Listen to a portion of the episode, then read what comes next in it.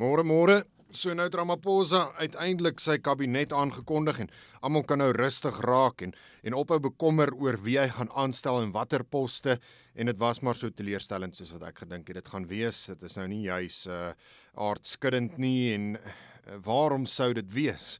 Waaruit gaan hy sy kabinet kies? Natuurlik uit die ANC. Hy gaan uh sy kamerade aanstel, sy kaders aanstel in daardie poste en ek, ek weet nie hoekom mense enigiets anders verwag het nie. Dit uh dit sal onwaarskynlik wees dat Ramaphosa iemand sal aanstel wat hy nie self in sy eie uh politieke party het nie, wat hy nie kan vertrou nie, wat dalk nie sy beleid gaan deurvoer en uitvoer, sy planne gaan deurvoer en uitvoer nie. So dit sal nie sin maak vir hom om regtig 'n uh, aardskuddende skuwe in die kabinet aan te kondig nie. Ek dink die uh, grootste aankondiging natuurlik is Gosientso Ramakgopa as die nuwe minister van elektrisiteit en dan ook Lindiwe Sisulu wat uit haar amp verwyder is as die minister van toerisme. Sy is op haar uh, Nimbus 3000 het sy agtergelaat. Patricia de Lille kry nou hierdie splinternuwe ampsvoertuig daardie besem van die Hex Lindiwe Sisulu. Dan Gosienzo Ramakgopa natuurlik ook die voormalige burgemeester in die Tshwane Metro. Hy is al by uh, omstredenheid betrek rakende elektrisiteitskwessies. Hy het vooraf betaalmeters hier in die Tshwane Metro laat installeer en uh lekker ook met sy sy uh sy hand daarso in die til gevang in die kasregister gevang en uh, Gosienzo Ramakgopa wat toegedien het as uh die hoof van infrastruktuur in die presidentskap. Hy hulle noem hom dokter Gosienzo, hy is blykbaar 'n siviele ingenieur en uh, hy is dan nou die man wat ons gaan moet uh, uit die kragkrisis uit probeer ruk. Hy gaan sekere magte kry soos wat president Cyril Ramaphosa ook gisteraand gesê het. Hy gaan byvoorbeeld kan besluit watter uh, instansies, kritieke instansies kan kwytgeskeld word van beurtkrag waar moontlik.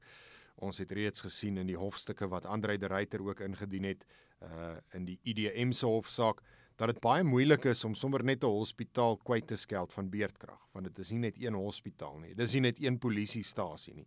Dis die hele buurt rondom daardie polisiestasie of hospitaal en dit uh veroorsaak dat beerdkrag eintlik maar nie bestaan in daardie omgewings nie.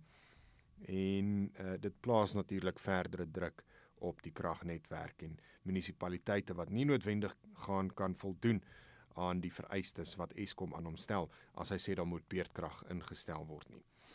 Die res van die kabinet, ag, dit is nou maar dieselfde ou mense, Kumbutso en Chaveni wat reeds in die kabinet gedien het. Sy's minister in die presidentskap, Maropene Ramakgopa. Hier is ook interessant.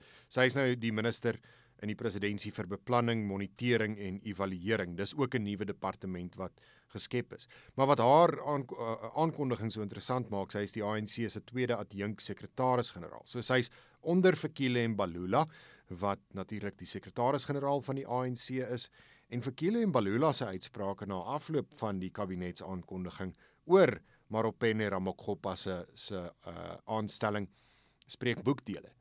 Hy sê ja, sy's daar aangestel om die ANC se tentakels in die kabinet verder uit te brei die ANC moet beheer hê oor hierdie kabinet. Die ANC se stem moet gehoor word in hierdie kabinet sowel as die ANC se alliansie vennote.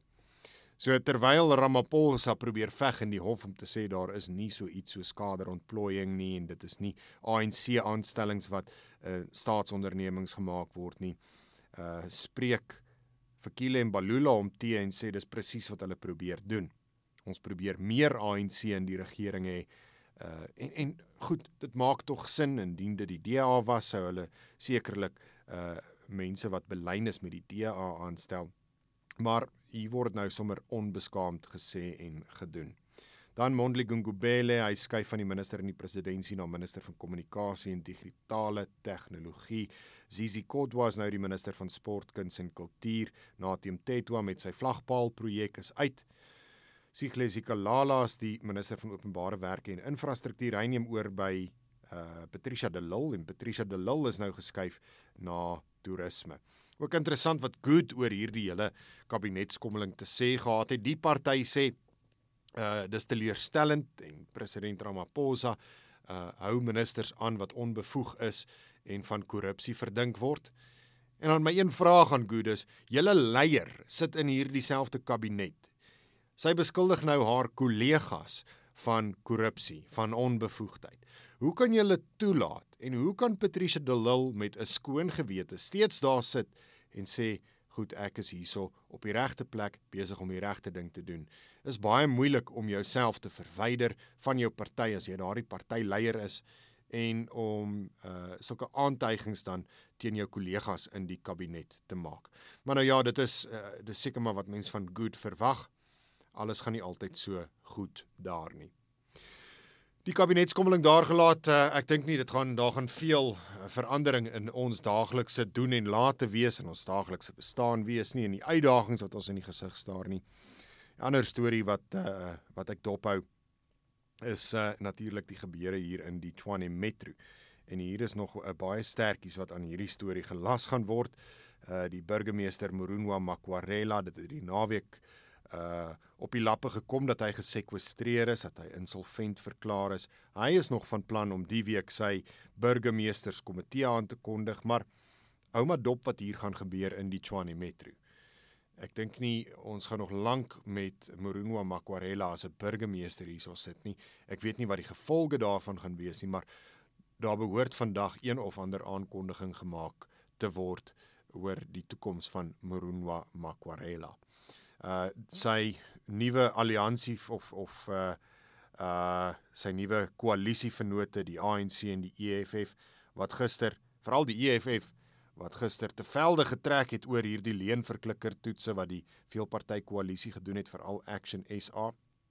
Hulle het uh, by daardie perseel opgedaag en hulle het toe uh vir uh of hulle die leenverklikker toerusting toe verwyder en gesê dit is onaanvaarbaar dat swart raadslede onderwerp word aan aan sulke tipe uh ondervragings en uh dit is onmenslik. Hulle wil nou na die menseregte kommissie toe gaan hieroor. Nou die een rede hoekom hulle so optree is natuurlik want hulle is bang.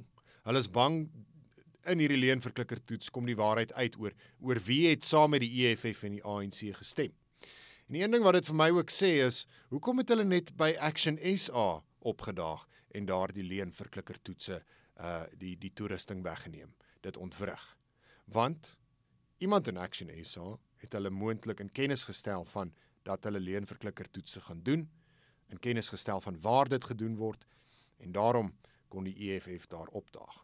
Die EFF vra in hulle verklaring: "Waarom is die Vryheidsfront Plus nie besig met leenverklikker toetse nie. Nou ek kan vir jou sê ek weet ek het met van hierdie raadslede gesels. Hulle was ook uh onderwerp aan hierdie leenverklikker toetse en dieselfde met die DA.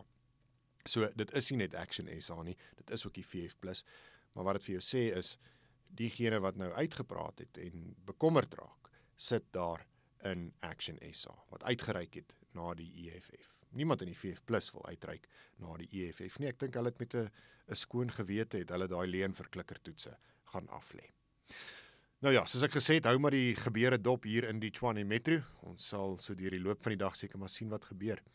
Intussen uh staan sterk. Hou aan bou, hou aan werk, hou moed en groete by die huis.